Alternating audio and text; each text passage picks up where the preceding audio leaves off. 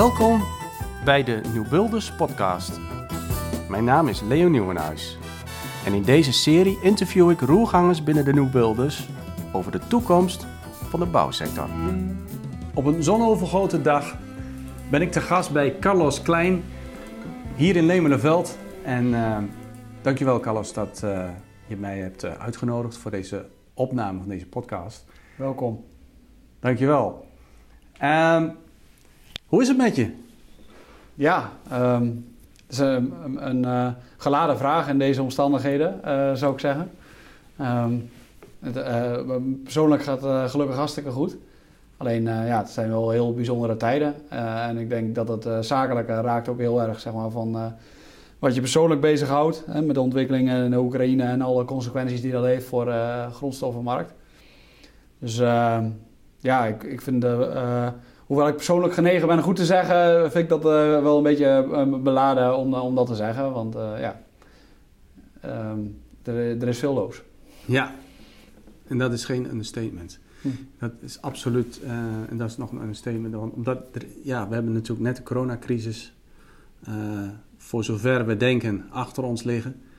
En nou is er oorlog in Oekraïne en Rusland, wat heel veel doet met, met de grondstofprijs en met de gasprijs. Ja, we kennen jou nou een jaar of uh, zes, denk ik. Um, en ja, je, bent nu 30, uh, ontzettend jong begonnen binnen, binnen de firma van, van Brouwer Units, ook klein units. Unitbouw. nou, op dit moment directeur van een, van een viertal werkmaatschappijen ontzettend inspirerend om jou zo bezig te mogen zien. Uh, hoe, hoe, is dat zo ontstaan? Want, want ik, vind, ik vind het wel uh, indruk, indrukwekkend. Ja, dankjewel. Uh, ja, daar moeten we natuurlijk aan toevoegen zeg maar, van, dat het ook allemaal maar net zo samen moet komen. Ja. Dat, dat, dat, dat geluk moet je dan hebben. En soms vraag je ook af of het geluk is, want het gaat, is allemaal heus geen roze geur en maneschijn. Um, Um, ja, hoe, hoe, ontstaat dat? Ik denk uh, uh, een, een, eh, een, ik denk een bovengemiddelde, bovengemiddelde drive. En dan vervolgens moeten er dingen op je pad komen die, die passen in lijn met, met je visie. En het is niet zo zeg maar, dat je afgestudeerd bent en je een klare visie hebt. Maar die is in mijn geval wel heel snel ontwikkeld. En als dan dingen op je pad komen dat je denkt van nee, die passen in die visie. En dan neem je daar stappen in. En als blijkt dat die visie in lijn is met de ontwikkelingen waar de maatschappij naartoe gaat, ja, dan kan het kennelijk uh, zeg maar snel gaan, wat geen garantie is voor duurzaam succes. Dus dat moet nog blijken. Ja. ja. ja maar goed, ik zag op je profiel inderdaad, je hebt uh, eh, HBO uh, eh, afgerond, je bent Nijenrode gaan, naar het Nijenrode gegaan. En wanneer ontstond eigenlijk zeg maar in jouw leven dat, dat jij ergens aan wilde gaan bouwen? Um, nou, ik, ik, wou altijd al wel ondernemen. Dat is wel grappig, dat heb ik nog nooit verteld. Maar, uh, um, en nu gelijk in de podcast. Maar um, ik, ik wou altijd wel ondernemen, maar ik had een soort van uh, Andy van der Most uh, idee. Hè? Ik kom echt uit de, uit het doenersnest, ondernemersgezin, maar vooral hard werken. Hè? Dus, ehm, dus met de handen mouwen opstropen. Dus ik had een beetje een soort van ideaalbeeld van Henny van der Most. Ik denk, ja joh, uh, waarom zou ik überhaupt gaan studeren? Dat is toch dom? En ik, ja, voel me eigenlijk wel een beetje beter dan die leraren. Dat ik denk van, joh, die snappen er allemaal niks van. maar, uh, nou ja, op een gegeven ogenblik dan ga je eens een keer stage lopen en dan, nou, dan stoot je je hoofd wel. En dan begin je een beetje, begon ik me een beetje een dom jongetje te voelen. Toen dacht ik van, voor mij zie ik de wereld toch niet helemaal goed. En uh, dat, was, uh, dat was ik denk een jaar of 17 en toen is het lichtje bij mij een beetje gaan branden. En uh, ja, toen heb ik mijn, zeg maar, mijn hersenen ben ik weer in gaan zetten. En toen ben ik zo snel mogelijk HBO gaan doen om, om zo snel mogelijk naar de universiteit te komen. Tegen die tijd was ik heel, heel fanatiek. Ja. Dus eigenlijk is er op mijn 18e denk ik ongeveer, is echt mijn mijn lichaam branden. En eh, vanaf toen eh, ben ik heel gedisciplineerd gaan toewerken om er alles uit te halen wat in me zit. Omdat ik dat, dat vind ik mijn plicht als, als wereldburger. Ja. Grappig zeg. Dus, dus eigenlijk tijdens jouw stage op een gegeven moment, toen liep jij tegen een aantal ervaringen aan waar je dacht van, hé. Hey, ja, klopt. Ja. Oei. En, en kun, kun, je daar nog wat iets over delen ook nog? oh jawel. Ja, ja, nee, dat, ehm, die was letterlijk zo, zeg maar, dat ze behoorlijk dure Engelse managementtermen gebruikte, de, de, de heer in kwestie. En dat ik echt dacht van, joh, waar gaat dit over? Ik kan er helemaal niet over meepraten. Ik voelde me echt zo enorm onnozel. Dus nou ja, dan ga je eens een beetje googelen. En ja, dan kom je er een beetje achter. Maar dan denk ik van, ja, ik weet dan niet. Ik heb de klok horen luiden, maar ik weet nog steeds niet waar de klepel hangt. Dus misschien moet ik eerst eens Engels gaan leren. Nou, ben ik dus naar Malta gegaan, een zomer lang. En, om mijn Engels een beetje op te schroeven. Dat was de eerste stap, zeg maar. Okay. Ja. ja. Mooi, dus echt het avontuur ook wel en uh, naar buitenland toe. Ja, nuttig ja. en de aangename verenigen, ja. Ja, ja precies. Ja. Ja, want uh, ja, als je op een gegeven moment alleen maar uh, langs aan het strand ligt, dan wordt het ook niet wat. Dus je bent op een gegeven moment daar ook echt aan het werk gegaan, dus... Ja, nee, ja. zeker. Ja, ja, ja. Dat, dat op de, toen was het knopje ook wel echt om. Toen was ik ook wel gelijk goed fanatiek. Ja. Ik, die energie die er altijd al wel in zat, die, ja, die ging zeg maar, meer, meer, en meer over tijd van de, van de feestjes vieren naar, naar er iets van maken. Ja, ja. ja.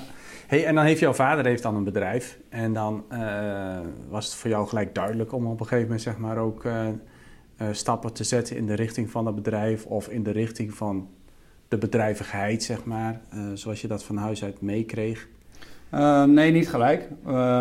Het was echt niet soort van klassiek familiepad.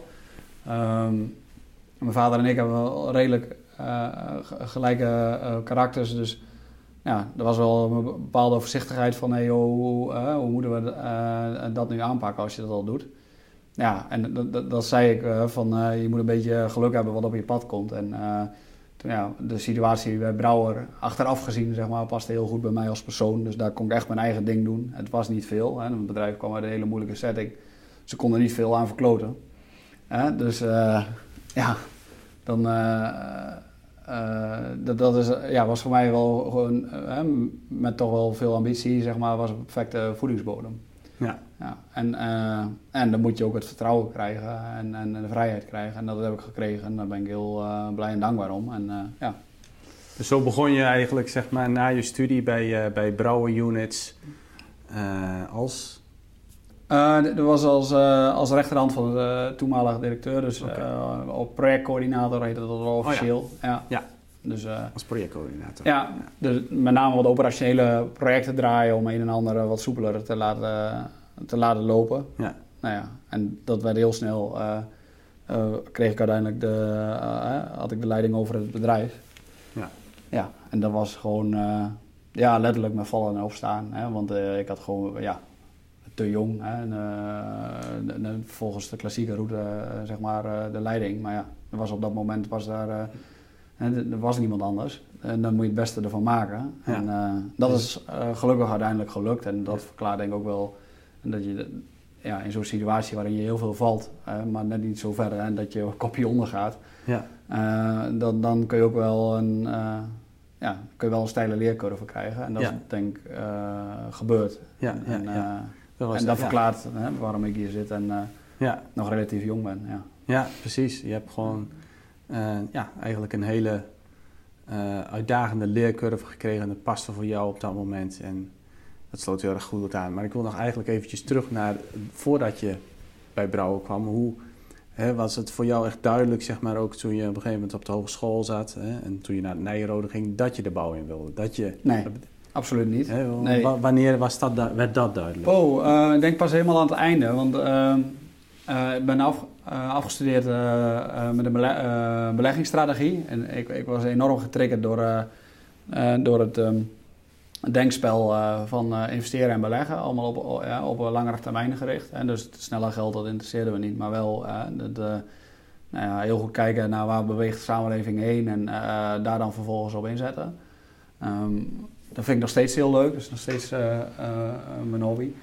Ehm, alleen, ja, ik, wat ik eerder zei, ik kom uit een doeffamilie. Ik vind het heel leuk om ook te doen. Ik zie de waarde daarvan in. Ehm, uiteindelijk als er niks gedaan wordt, dan kun je hele mooie dingen bedenken, maar dan ontstaat er niks. En ja, ik denk, ja, ik kan wel richting de investeringswereld gaan. En dan loop ik dadelijk met een stropdas voor op een Zuidas. Dat, ja, dat, was uh, ook niet echt wat bij mij paste. Dus ik wou echt met de poten in de klei. Dat, ja. dat, dat was het. En uh, dan zoek je uiteindelijk een route van... Hey, joh, hoe kan ik hè, met de poten in, in de klei en dan toch snel meters maken. En ja, dat heeft denk ik uiteindelijk daartoe uh, geleid om, om bij Brouwer binnen te rollen. Maar er was nog geen bewuste keuze voor de bouw. Uh, moeten we niet uh, romantischer maken dan dat is. ja, ja, ja, ja, maar ik kan me nog herinneren toen we in uh, Nijkerk voor het eerst kennis maakten met elkaar. Ja. En toen zat je bij Klein, hè, met Klein Unit. Ja, je toen, klopt. ja, de vestiging in Nijkerk, ja. Ja, ja. En, maar toen was je ook met die beleggingen bezig. Daar vertelde je ook over, ja. Ja, ja, ja dan is het inderdaad wel zes jaar geleden inderdaad. Ja, ja, ja. zeker. Ja.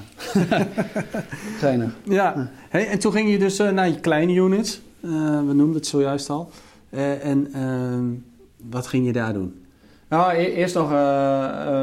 dus ik had dan een brouwer en, en een klein unit Nijkerk. En onder mijn hoede. En... Um, Even kijken, toen kwam eerst nog eh, RC-panels op mijn pad. Want, uh, mijn brouwer maken met sandwichpanelen die units. En toen dacht ik van, goh, wat kunnen we met die sandwichpanelen nog meer? Nou, dat was precies net uh, in, in het... Uh, toen een hele stroomversnellingsdeal gesloten werd. Ja. Dus vijf grote bouwers en vijf grote woningbouwcoöperaties, 100.000 woningen voor een vaste prijs. Ja, ja. Maar nou, er was nog wel wat ingewikkeld om dat ook daadwerkelijk voor die prijs te realiseren. Ja. Dus er was een enorme zoektocht uh, vanuit de grote bouwers uh, naar renovaties. Ja. En, uh, ja, en er waren ook wel partijen buiten die deal omheen. Die dachten ook van hey, de hele wereld gaat daar naartoe. En die gingen initiatieven ontplooien buiten stroomversnelling om. Nou, die gingen ook bouwketen kopen en die, die kwamen bij Brouwer over de vloer. Nou, we hadden uh, toen al een bepaalde visie op um, Um, hoe, hoe, hoe, je die productie met sensorpanelen in kan richten eh, in combinatie met uh, een stuk digitalisering. En dat, dat bleken eigenlijk de twee bouwstenen om, uh, om, een enorme, of, ja, om best wel een flinke innovatie door te voeren in, uh, in het inpakken van die, van die woningen. Ja, ja. En ehm, ja, dat is, dat is uiteindelijk de trigger geweest dat ik daar meer en meer tijd zelf in, in ben gaan stoppen. En uh, uh, ja, zo is er uiteindelijk uh, eh, RC-panels op mijn pad ge gekomen. Ja. Nou ja, en ehm, dat ben ik ook zelf gaan leiden. Ik dacht eerst erbij, maar dat mislukt een beetje. ja? ja, ik, dat, het is uiteindelijk veel verder van dat we verwacht hadden. Maar de, ja, de weg is ook veel heftiger geweest en echt wel hele moeilijke periodes meegemaakt. Dat gewoon uh, ja, uh, mijn hele hebben en houden erin moest gooien, zeg maar, om, uh, om er weer uh, doorheen te komen. dat had ook alles mee te maken natuurlijk dat de stroomversnellingsdeal niet, niet doorgang vond, hè, zoals dat initieel bedoeld was met die 100.000 woningen. Op een bepaald aantal is dat uiteindelijk afgebogen. Zich ook wel partijen teruggetrokken en dat ja, heeft wel een enorme wissel op onze organisatie getrokken dan moet je heel snel anticiperen. En uh, ja, we hadden al dat bouwstenen weliswaar in handen om zo succesvol te zijn in andere markten. Bijvoorbeeld in de nieuwbouw of, uh, of in de renovatiemarkt die er al was. Um, maar uh, dat, dat je de goede bouwstenen hebt, wil nog niet zeggen dat je succes hebt. Dat vergt zeker met een hele lange salescyclus in de bouw, dat vergt veel. Dus... Um, dus, dus ja, daar refereerde ik er even aan. Ja. En om nog even helemaal terug te komen op je vraag met Clay Units. Uh, uiteindelijk is dat een natuurlijke cyclus in een familiebedrijf. En uh, ontstond daar de situatie dat ik uiteindelijk leiding over, uh, over klein units ook overgenomen heb. Ja. ja, ja. in ieder geval op het algemene stuk. Ja, ja en, dan, en dan even voor de luisteraar. Dan is klein units is zeg maar voor... nou, de, de semi-permanente bouw. Semi ja, tijdelijke huisvesting, tot vijf jaar. Ja. Tot vijf jaar. Ja. de units, vaak voor nou, echt tijdelijk huisvesting. Hè? Brouwer units, echt tijdelijk huisvesting voor op bouwplaatsen en dergelijke. Ja, specifiek bouwplaatsen, helemaal mee eens, ja. RC-panels is dan echt voor, hè, zoals je op een gegeven moment ook bij uh, de stroomversnelling uh, in, die, uh, in die deals meedeed, dat je echt ja. een hele hoop woningen ging verduurzamen. Klopt, de woningsschuld van morgen. Ja. ja. Ja, Hoe kijk je daarop terug op die periode? Want ik zag jou toen ook echt, ik was best wel verbaasd over hoe je op Building Holland... Um, aan tafel zat met een Leen van Dijk, een handtekening. Uh, als jonge knul liep jij echt in de voorhoede mee. en, en, en ja, dat lukte jou gewoon. Ik vond het ja, ja, wel indrukwekkend. Ja, uiteindelijk... Maar hoe kijk je daar nou op terug? Ja, ik, ik wou zeggen, even als, als schijntje, um, maar wat ik niet altijd als schijntje heb ervaren, is dat het uiteindelijk nog niet gelukt is. In de zin zeg maar, van dat uh, de, de, de, volumes die we uit de stroomstelling uh, wouden halen er nog niet uitgekomen zijn. Daar vechten we tot op de dag van vandaag voor. En nou ja, momenteel is er weer hernieuwd momentum met de huidige gasprijzen. Um, ja, hoe kijk daarop terug? Um, ik denk dat je, je zit in de flow en als ondernemer heb je een bepaald opportunisme in je, en je ziet een kans en daar duik je dan vol in. En als je bloedfanatiek bent, dan, ja, dan, dan geef je daarin ook alles. Ehm, daardoor, en, en uiteindelijk hadden we ook de middelen zeg maar, om, um, om te investeren daarin. Ik bedoel, dat moet ook nog. Hè. Je, kan het zien, je kan de kans zien, je kan de juiste contact hebben. Maar de, uiteindelijk als er geen middelen zijn om, om te investeren, dan ben je nog kansloos. Want het is, als je een fabriek op wil zetten, zoals C-panels, ja, dat is kapitaalsintensieve business. Ehm, nou, die, die factoren die, die, die waren aanwezig. Ja, en, en, en dan een bepaald opportunisme. nu noem ik het vaak naïviteit, maar dan weet je pas achteraf. en ja, en dan, dan ontstaan er dingen. Ja, maar goed, heb je toch ook niet die naïviteit dan nodig? Ja, zeker. Om ergens te komen. Ja, ja, ik, want ik denk toch dat wanneer alle naïviteit dan weg is, wat, wat wordt er dan nog geïnnoveerd? Nee, dat, ik denk dat je ook, zeg maar, dat is een beetje het kind. Hè? van, oh, dat wordt wel eens denigrerend over gedaan. Van, oh, joh, je bent zo, zo naïef en, uh, en je snapt de wereld nog niet. Nou, ik vind het mooi hoor. Uh, um, maar, maar ergens ben je inderdaad nodig als ondernemer. Als je te veel na gaat denken, als het te veel ratio wordt, als het te veel blauw wordt, dan, uh, ja, dan, dan denk ik dat je angstig bent voordat je eraan begonnen bent. Ja. En ja, de, een gezonde balans is daarin belangrijk. En wanneer zit je goed? Dat blijft denk ik uh, de eeuwige vraag. Ja. ja. Nou, hou hem alsjeblieft vast, zou ik zeggen, die naïviteit. Want uh, daarmee geef je toch de wereld weer kleur. Uh, wat heeft het je gebracht? Boah, hoe dat... Um, is een goede vraag. anders moet ik niet zo lang over nadenken. Um, wat heeft het me gebracht? Ja, Goh. Nou ja, ik, ik denk uh, um, reis met de C-panels. Uh, daar heeft ontzettend veel. Uh, ik heb er ontzettend veel geleerd persoonlijk. Ik denk dat dat is het eerste wat in me opkomt. Dus je kan de meest gekke situaties niet bedenken, zeg maar, of die komt ze tegen, zeg maar, in zo'n start-up scale-up setting waarin het eerst start-up en dan vervolgens scale-up. Waar, waarin allerlei uh, dingen gebeuren, je overkomen. Enorme politieke invloed in de markt. Um, en um, ja, wat je dan als ondernemer kunt bewerkstelligen. En vooral ook wat je niet kan bewerkstelligen. En wat je niet voor elkaar kan krijgen. Ja, daar leer je ook heel veel persoonlijke les uit. En uh, ja, dat, dat is het eerste eh, wat in me opkomt. En, en daarnaast Ehm, wat ik ontzettend gaaf vind, is dat je dan daar ergens aan begint. En dat er ook een hele hoop andere mensen zijn die ook een wagonnetje erop aanhaken. Dus vaak, uh, als je nu een of andere studie volgt, zo, wordt heel vaak gezegd van, ja joh, je moet als uh, onder aanvoering van de school van, uh, van Sinek, Simon Sinek, dan moet, elke organisatie moet zijn why vinden en zijn purpose en daar moet je voor gaan en dan haken de mensen erop aan. En wat ik bij RC ben als ervaren heb, dat het ook daadwerkelijk zo gebeurt. Hè? Want het is, ja, we, joh, we zijn geen Sinterklaas. We zijn wel echt ondernemers en uh, we willen een goed renderend geheel ervan maken. Maar op een gegeven moment zit je ook wel zo verder in dat je denkt van potverdorie, gaat me nog lukken ook uh, de, de, de missie, hè? energie-neutraal wonen en rendabel maken. En ja, als, als ergens haken mensen daar wel op aan. En uh, dat, dat vind ik heel mooi. Uh, dat dan uh, goede professionals uiteindelijk bij jouw organisatie, ondanks dat het nog nou ja, wel heel jong is en, en alles nog zeker niet staat. En er ook wel nog risico's in zitten, in, in, nu nog wel, maar, maar in de eerdere fases nog veel meer. Dat, dat mensen daarvoor kiezen. Hè? Ja. Dat, dan, dus eigenlijk ja, zeg mooi. maar ja. wat, je, wat, wat je zegt, dus dat je heel erg vanuit je why bent gegaan met SC-panels. En dat daar mensen op aan zijn gehaakt. Ja, dat absoluut. heeft het je gebracht. Ja, ja. dus naast persoonlijke lessen inderdaad, de, uh, het missiegedreven werken, dat, dat werkt echt. Ja. tegelijkertijd ben ik nuchter genoeg om te zeggen van, ja joh, je kan wel een heel mooi, mooi verhaal opschrijven, zeg maar, maar als het niet doorleefd wordt, dan voelen mensen dat. En elk bedrijf heeft het volgens mij gewoon niet, of nog niet. Hè? Ja. Dat, dat, dat moet ook net even allemaal samenkomen. Ja. ja. Hoe doe je dat in je organisatie? Kun je dat ook uh, zien bij al die mensen, die why?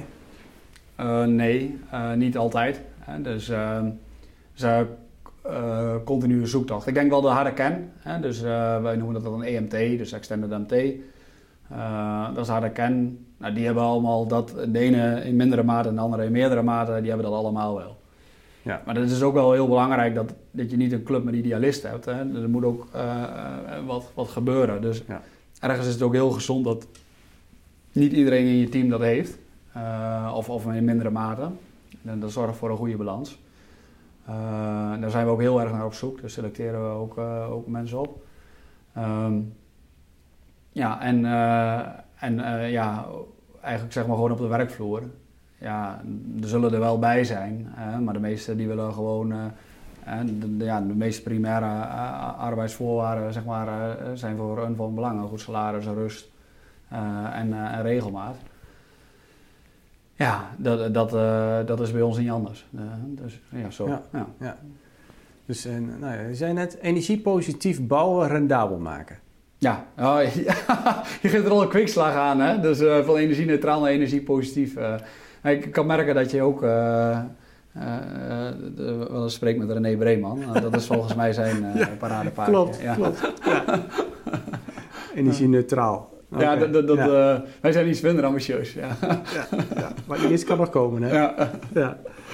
ja. maar maar dat, dat, hoe zie je dat? Dat energie-neutraal bouwen rendabel maken? Um, um, ja, eigenlijk... Um, uh, ooit was het, eh, of ooit, uh, dat gaat allemaal heel snel. Maar een paar jaar geleden was het nog energie-neutraal. nee, ja, nee. Um, dan moet ik even nadenken, wat was het nou? non-rendabel maken, dat was het in eerste instantie. Ja? We begonnen met die hele stroomstelling en dat was allemaal nul op de meter. Dus um, gaat heel erg over energievraagstuk. Uh, in de, als in de zin van het verbruik van de woning. Hoeveel elektriciteit en, en, en, en verwarming gebruikt zo'n woning. Nou, ehm, daar zijn we primair mee begonnen. Totdat het ook bij ons, onder aanvoering zeg maar, van al die artikelen die, die meer en meer beschikbaar kwamen uh, over, over, uh, over materialisatie en al embodied carbon die daarmee gepaard gaat. Ja, wat dat doet. En, en dan, ja, je wil niet aan de ene kant, oh, je wil niet jezelf en de wereld voor de gek houden, maar dat je zegt van, joh, ik maak zo'n woning energie-neutraal in het gebruik. En, ik, maar ik doe dat door met 30 jaar aan embodied carbon, voor 30 jaar energieverbruik van die woning aan embodied carbon in de schuld toe, toe te voegen. Dat leek ons ook niet helemaal handig. Maar nu was dat, uh, toen we daaraan gingen rekenen, was dat gelukkig niet het geval. En dan zaten we op, uh, ik geloof, tijd van, uh, van vier jaar. we doen al goede dingen. Maar dan ga je wel meer en meer in die wereld verdiepen. Ja, en dan denk je van, hé, hey, als wij echt energie-neutraal willen zijn, of CO2-neutraal in 2050 dan, dan uh, moet er ook in uh, materialen, of misschien wel juist op materialen, ook heel veel gebeuren. En dat vergt een compleet andere manier uh, van bouwen. Dus je ziet, wat zijn de taaiste dossiers om naar CO2-neutraliteit te komen, is het staalproces en, en het maken van, van cement. Ja. Wat natuurlijk de, de hoofdbestandsdeel van beton is. Ja. En, en laat dat nu net de, de, grootste bouwblokken van, de, van de bouw zijn ja, om, om daar wat aan te gaan doen, uh, dat, is, uh, ja, dat is toch wel uh, knap ingewikkeld. En, en, een, een taai hoofdstuk. Maar op het moment dat je oprecht goede wil doen als organisatie ervoor, moet je daar wel mee aan de slag gaan. Nou, en vandaar dat we toen NOM in energie-neutraal veranderd hebben. Dan, nou, hebben we een beetje olie op het vuur gedaan en, en de ambitie wat moeilijker gemaakt. En ja, ik, dat, dat, dat voelt goed. En sindsdien zijn we ook met ons R&D-team keihard daarop aan het werk. Ehm, en dat gaat heel, heel voorspoedig. wij zetten heel erg in op de toekomst van om dat iets specifieker te maken op, op de toekomst van biocomposiet. Ja. Oké. Dus je leest nu heel veel over hout. Ja. maar wij geloven heel erg in, de, in dat doen we ook wel een en ander mee. Maar wij geloven ook heel erg in de toekomst van biocomposiet. Oké, mooi. Prachtig. Ja. klinkt interessant. Dus je gaat eigenlijk zeg maar gebruik maken van, van de natuur ja. in, in het creëren van composieten. Ja. En hoe zie je dat voor? Nou, eigenlijk de basisgedachte van de biocomposieten is ehm, dat je met veel minder ruwe grondstof tot een product kan komen. Dat hebben we nu met de huidige SC ons product ook. Het hoofdbestanddeel is EPS. En dat kennen we een beetje als een oud bouwmateriaal. Ja. Maar als je alles op een rij zet, en vooral in de verhouding prijs en milieu-impact, is het wel een vrij geniaal product. En hoe komt dat? De, wat is het geheim van de smid? Er zit gigantisch veel lucht in. En er is niet veel goedkoper dan lucht. Ja. Um, dus eigenlijk als je een, een, iets, iets nieuws, iets, um, als je naar de toekomst, toekomst toe gaat ontwerpen in, in de bouw, dan wil je eigenlijk ook zoveel mogelijk lucht gebruiken. Of, of, of zoveel mogelijk uh, materiaal wat, wat gratis is. En er is niet zoveel materiaal, dus dan kom je toch al snel weer op, op, op, op lucht uit. of zoveel mogelijk lucht, dus zo min mogelijk materiaal, min mogelijk ruwe grondstoffen. Nou, en um, composieten staan erom sterk, hè, de, on, onbekend. dat, je ziet het heel veel in, in bijvoorbeeld in de vliegtuigindustrie en windmolens en dergelijke. Maar heel lichtgewicht toepassingen. Ja, um, uh, die, al die constructies die, die worden gekenmerkt door enorm, of heel weinig materiaal. En dus je, je kan met heel weinig materiaal een behoorlijke sterkte toevoegen. Nou, dat is eigenlijk de composiet in deze. En dan ben je nog een schuim nodig. Die haal ik nu even door elkaar heen. Hè. Dus ik ga even van, van de composiet naar de schuim en, en, en, naar de composiet en weer naar de schuim. Um, dus, dus als je dan, uh, en we gaan erin, uh, dat weten we nu al, het gaat lukken om tot 100% bio, uh, bio-based composiet te komen. Dat is al ontzettend gaaf. Nou, um, dan is het nu de heilige graal is, is groen schuim of, of een, een, een, een vezelplaat hè, met een harde persing ja. die, die ook groen is. Ja. Zo, prachtig. Want, klinkt interessant. En dat is het ook. Ja. Uh, en nog een hoop werk te doen. ja, want uh, wat is uh, jullie doel? Wanneer starten jullie daarmee? Um, nou, met, met die biocomposieten, daar willen we eigenlijk volgend jaar live mee. Dus nou, we hebben nu al, al een behoorlijke goede MKI-score of LCA-score op onze elementen. Mm -hmm. Maar ja, we verwachten daar echt tientallen procenten op binnen nu en een jaar of zeg maar anderhalf, eh, jaar, anderhalf jaar uh, verwachten we onze 2.0 uh, eh, live te hebben. Ja, en dan verwachten we echt wel tientallen procenten reductie daarin. Ja. um, ja, als gevolg van al meer en meer biobased materialen. Ja, en we willen eigenlijk dat, dat, na de 2.0 komt er een 3.0 en een 4.0. Of hopelijk bij 3.0 in één keer volledig biobased. Hm. Maar dat is denk ik nogal een stapje te ver. En zo uh, gaan we eigenlijk hè, stap voor stap, versie voor, versie, ja. uh, gaan we vanuit de massa. We, produceren inmiddels aardig volume. Wat we elk jaar enorm uitbouwen. We willen eigenlijk ook elk jaar willen we een stap zetten in, in de milieu-impact per vierkante meter van ons element. Om uiteindelijk energie-neutraal wonen rendabel te maken. Ja, ja fantastisch. En, en, en, dat is je missie. Ja. En dat gebeurt dus als je een missie hebt. Dat je dus daardoor in de tijd, zeg maar van, als soort van zelf stappen maakt van verbetering. Klopt. En, veran en verandering. Ja. En als je, die missie, als je die missie niet hebt, zou je het niet doen. Nee, want dan voel je niet de urgentie. Nee. En uh, ook omdat je het uitspreekt. Hè? Ja. Ik zou me nu uh, ik zou me een paar jaar een kneus voelen, zeg maar, als we geen progressie gemaakt hebben. Omdat we het tegen iedereen gezegd hebben. En, uh, en mensen aangenomen hm. hebben die daarvoor bij ons komen werken. En dat vind jij niet fijn als je je een kneus voelt? Nee, nee, nee. nee. Dat, nee. Dat, nee, dat vond je heel rot. ja. ja. Het, uh, zou ik niet gaan ontkennen. Nee. uh, mooi, mooi man.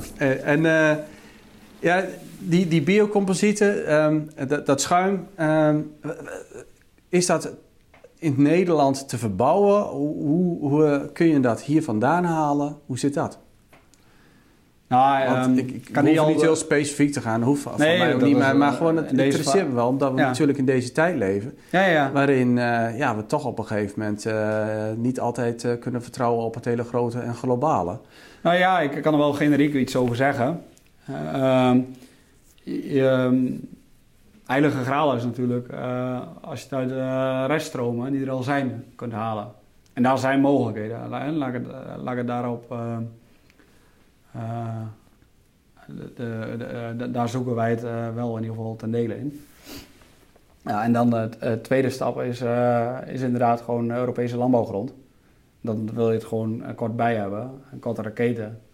en daarmee ja, kijk, je ruwe materiaal in, in, in een geheel van de kostprijs is zo weinig dan. Hè, als, het, als je direct naar je, naar je fabriek komt.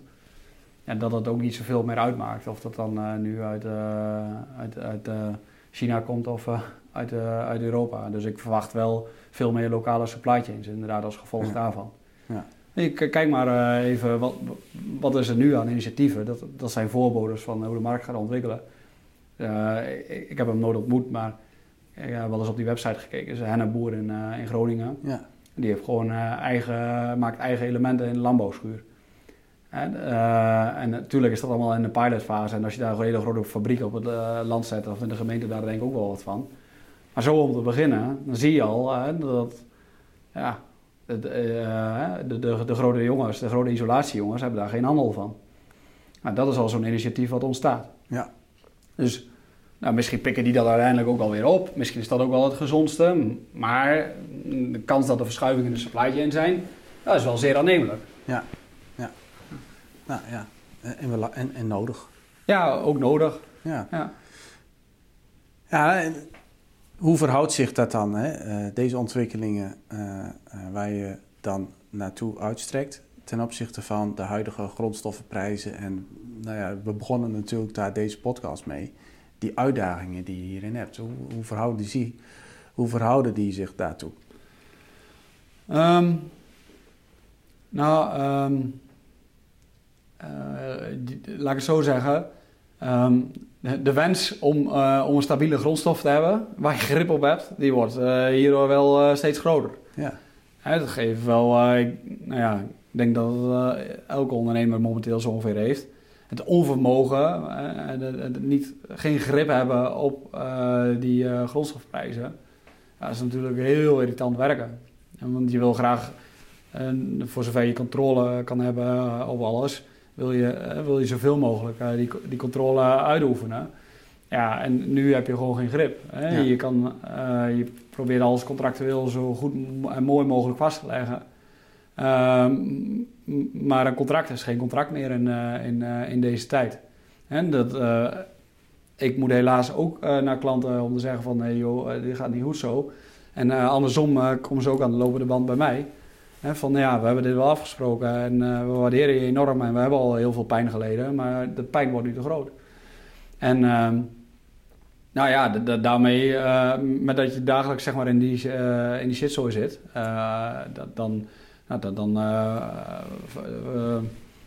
eh, wordt het, eh, zeg maar, het verlangen, even met een groot woord, wordt wel heel groot om, om weer grip op die supply chain te krijgen. En met dat je dichter op de bron zit en dat je contracten met de bron af kan sluiten. Ja, ik denk dat je daar ook wel dat, dat, dat, ja, dat dat ook wel eens een positief effect daarop zou kunnen hebben de lengte nou. van de supply chains en de ongrijpbaarheid van al die, wat elke schakel toevoegt en uh, in welke mate elke schakel zeg maar, ook daadwerkelijk een probleem heeft of misbruik maakt van de situatie. Ja, dat is nu zo diffuus als, als het maar kan zijn in heel veel uh, supply chains in, in, de, in de bouw. Ja, en nou, dat kan voor mij niet gezond zijn met de maatschappelijke problematiek die we hebben. Nee, dat, dat, dat lijkt me inderdaad zeker zo. en wat je schetst, dat speelt bij zoveel bedrijven op dit moment in de bouwsector. Ja. het, gelukkig. Ja. Nou, nee, gelukkig in de zin van, ben niet de enige. Maar, en, en, ehm, ja, daar, daar zijn best grote woorden voor te gebruiken hoe ingrijpend en hoe uitdagend of dat is. Ja.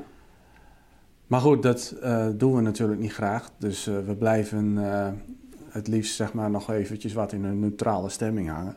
Ja. Maar volgens mij bereiken we nu wel het moment dat we echt moeten gaan opschakelen. En echt op een gegeven moment nu gewoon in één keer grote stappen moeten gaan maken. Ja. Hè, dit, dit, dit, hoe zou het anders? Nou ja, um, uh, met, met corona heb je al gezien zeg maar, dat het net ten aanzien van het hele klimaatvraagstuk, uh, dat er enorm veel veranderd is. Ja. En doordat iedereen veel meer uh, tijd had voor bezinning of om links-rechts over wat dingen na te denken. Um, zie je wel zeg maar door de hele maatschappij een enorme bewustwording op bijvoorbeeld op, op vliegen, maar ook op uh, woningen verbouwen en verduurzamen. Hij heeft ook een enorme vlucht genomen als het gaat om particulieren. Um, alleen als je kijkt om, om de echte klappen, en de echte klappen zitten in de verhuurdersmarkt, dus woningbouwcoöperaties en beleggers, ja, dan ontbreekt nu een duidelijke regie. en en uh, ja, dat is wel heel vermoeiend. Op het moment dat je zelf wel uh, zeg maar vol erin gaat. Um, en, um, en wat is dan duidelijke regie? Waar gaan we naartoe? we hebben een klimaatakkoord met ons al afgesproken. We, moeten nul zijn in 2050. We, dus we moeten woningen isoleren. trias energetica. ingewikkelder dan dat is het niet. Nou, tot welk niveau moet je die woningen isoleren? Nou, we vinden het enorm ingewikkeld in Nederland om tot zo'n norm te komen. Als je ziet met wat voor gepolder zo'n norm tot stand komt. En, en, dat uiteindelijk een norm die in de Kamer beland is, dat die nog slechter is dan het huidige label B. Dat is te zot voor woorden. En um, niks te nadelen van alle mensen die bij dat uh, proces betrokken zijn.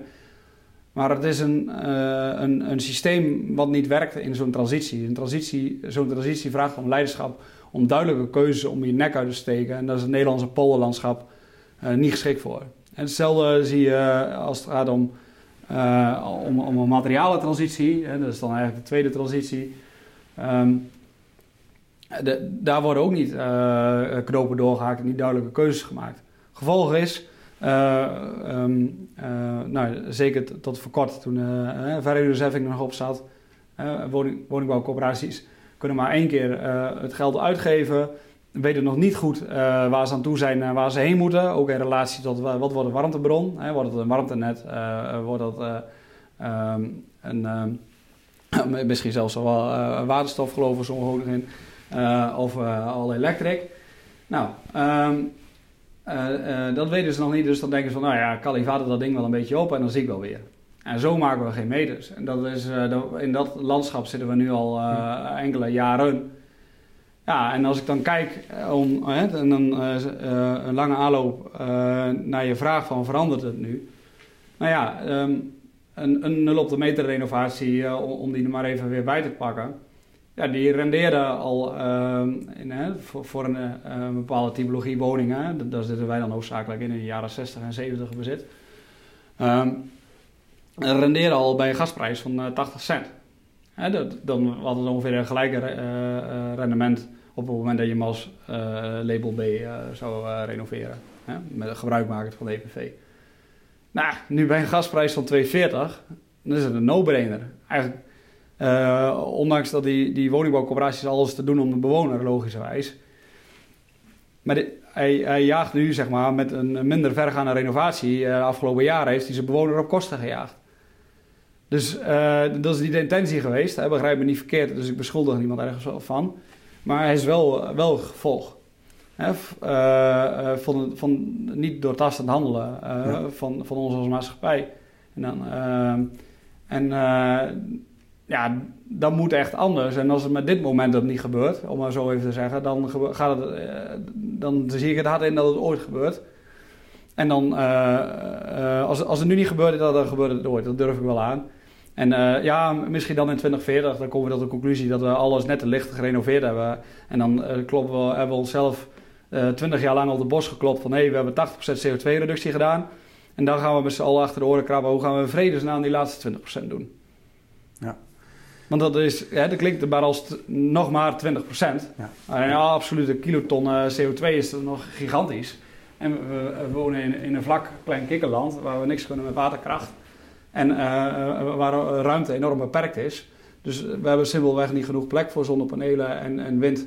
Dan zijn we weer afhankelijk van het buitenland. Nou, laat dat nu net de ironie zijn zeg maar, dat we midden in een crisis zijn. En waar we volledig afhankelijk zijn van iemand waar we niet afhankelijk van willen zijn. Ja. Ja. Um, ja. Maar het, de regie ontbreekt.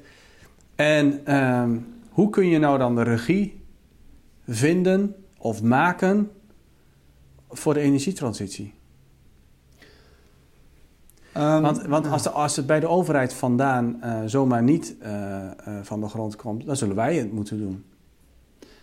Ja, um, dat, um, dat besef komt ook min, meer en meer. Dat komt, dat komt meer en meer, ja. ook, ook bij mij. En uh, dat betekent zeg maar van op het moment dat je het dan überhaupt wil doen laten slagen, dan uh, moet je heel gro groot denken. En uh, wij in ons Calvinistisch landje, um, ja, en, en zo ben ik zelf ook. Um, ja, groot denken is nogal ingewikkeld soms. We hebben ja, en onze volumes zijn ook nog eens beperkt. in het verleden waren we toch een middelpunt van de wereld. We, we hebben echt uh, tijden ja. gekend dat, dat we de grootste invloed hadden als kikkerlandje. Ja. Dus toen konden we wel groot denken. We waren de Verenigde Naties, de, de, de Wereldbank en het IMF bij elkaar. ja, voor een paar honderd jaar geleden. Ja, dat is dus, ook wel een negatieve spin-off. Ja, absoluut. En, uh, maar, maar uh, ja. En ja, dat klopt. Dus ja, misschien moet ik eens even te raden gaan bij onze voorouder hoe, die, hoe die dat gedaan hebben. Maar ja. Nee, ja, maar dat, dat besef is er wel. En, en er zijn ook wel wat initiatieven op. Hè. We hebben bijvoorbeeld in de subsidieconsortium zitten we met de Future Factory. En waarin we alle voorbereidingen treffen en, uh, en leren om tot een fabriek van 15.000 uh, woningen te komen op jaarbasis. Ja, dan die kun je in Nederland uh, krap aan kwijt. Hè, met het, de piek en dalen in het volume. Als je daar constant volume in wil hebben. En dan moet je ook echt over de grens kijken. En dat zie je nu ook gebeuren. Onze oosterburen die hebben ook ontdekt, uh, dat, ze, dat hadden ze al ontdekt afgelopen jaar. vooral omdat ze daar uh, hebben ze beursgenoteerde uh, woningbouwcoöperaties. En nou, die zijn heel snel aan de beurt als het gaat om CO2-taxes. dus die, hebben nu voelen een enorme urgentie om bieden een CO2 te reduceren. Want anders dan, worden, worden ze geraakt in de resultaten en dat willen ze niet. Dus uh, die zijn heel erg fanatiek. En de subsidie, uh, Duitsers zijn ook aardig goed met subsidie. Dat, uh, dat gaat echt, is een factor 4 van de bedragen die hier per woning uitgedeeld worden. En dan kun je heel, heel snel meters maken. Ja, en daar zien we eigenlijk de markt nu nog veel harder ontwikkelen als het gaat om inpakken van woningen dan, dan in Nederland. Dus, en, en, daar zitten we ook volop op. Want ja, uiteindelijk de jaren strijden in de Nederlandse markt heeft ons wel uh, uh, in de zekere zin uniek gemaakt. Dat we een aantal dingen kunnen, ja, waar gewoon een leercurve in zit van een aantal jaren. Ja. ja. Nou, we zijn al bijna op de drie kwartier. Dus ik denk het goed is dat we naar de afronding toe gaan. Ehm, ja, uh, volgens mij ben je hartstikke goed bezig, Carlos. En echt strijdend. En, en, en, en, en, en, ja, je pakt hele grote uh, uitdagingen aan op de goede weg. regie vindend, dat geloof ik. Hè, dat als we gewoon doorgaan en we komen elke keer weer vanuit die menselijke maat, zoals we dat ook bij de Nieuw Beelders heel hoog in het vaandel hebben, dan gaan we ook elkaar vanuit dat vertrouwen vinden en regie vinden. Uh, waar we er niet altijd zeg maar, nu overheen kunnen zien. Zeker niet wanneer de ontwikkelingen in deze dagen zich zo opvolgen. En eigenlijk zeg maar, weer modellen helemaal eventjes onderuit gaan die je uh, als onderlegger gebruikte. Um, maar dat, ik heb er vast vertrouwen in dat het, dat het, dat het goed komt als we maar ja, geven wat we hebben. Hè. Dus um, we gaan naar de afronding toe. Um, deze podcast die die, eh, die eh, is zeg maar ook eh, om luisteraars te inspireren vanuit het gedachtegoed van de Nieuwbeelders. Wat zie je voor, uh, voor nieuwbeelders nou ook als uh, vervolgstap? Uh, wat zou je mee willen geven? Um, um, waar haak je heel erg op aan? Hm. Um, nou ja, menselijkheid.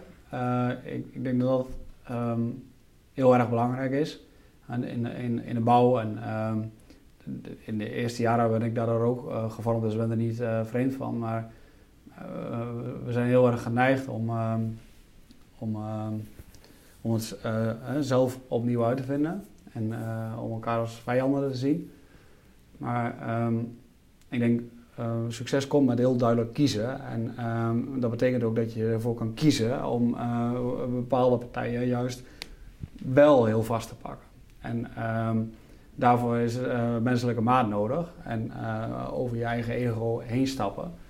En ik denk, als we praten over, specifiek over industrialisatie, dat hele proces, en hoe, hoe, bedrijven daarmee worstelen, ja, zou die, die menselijke maat, dat, dat zou wel zeg maar het gedachtegoed moeten zijn om wijze keuzes daarin te maken. Ja, van zoek, zoek elkaar op en, en bouw niet oneindige capaciteit want we hebben een beperkt volume in het land. En uh, als je niet uitkijkt, wordt dadelijk één groot bloedbad. En dan wordt de menselijke maat, uh, die we denk ik allemaal wel aanvoelen in de bouw, dat die meer moet worden, wordt die juist minder. Uh, om, omdat het overleven, overleven wordt. Ja, en dat zou heel erg zonde zijn. Dus ik denk dat dat heel mooi is aan Nieuw Wilders, zeg maar, dat die menselijke maat erin zit. Ja, en voor de rest zou ik zeggen van eh, we hadden het net al even voor die tijd over. Um, zoek ook andere initiatieven op. Hè. Dus uh, is afwerking uh, met ook, ook clubs en verenigingen die hetzelfde nastreven. Weliswaar op specifieke thema's. Dus Gideon, met name op die materialentransitie, zit heel sterk. Ook op andere thema's. Um, en en ook stroomstelling op het gebied van energietransitie. Ja, zijn toch verenigingen die die soortgelijke doelen nastreven. Uh, en uh, ja, als ik heel eerlijk ben als ondernemer heb je een beperkte tijd. En die kan niet overal altijd bij zijn. En de, op de, ik denk dat de kwaliteit van, van de events groeit op het moment dat je de slagkracht hebt. En, en, ehm, ja, en dan kun je ook een keer sneller een keer heen gaan, want dan zijn er minder. Ja. Dankjewel, Carlos. Ik ehm, pak deze op en wij zijn er ook op die manier mee bezig. Uh, we staan voor grote uitdagingen. Um, ik hou je graag aangehaakt uh, daarin. Uh, ik denk dat het heel belangrijk is dat we de handen ineens slaan. bouwen aan het land, bouwen aan de bouwsector. en dat kan een mooi avontuur zijn in een moeilijke tijd. Ja, dat is het. Mooi afsluiten. Dankjewel, Leo. Bedankt.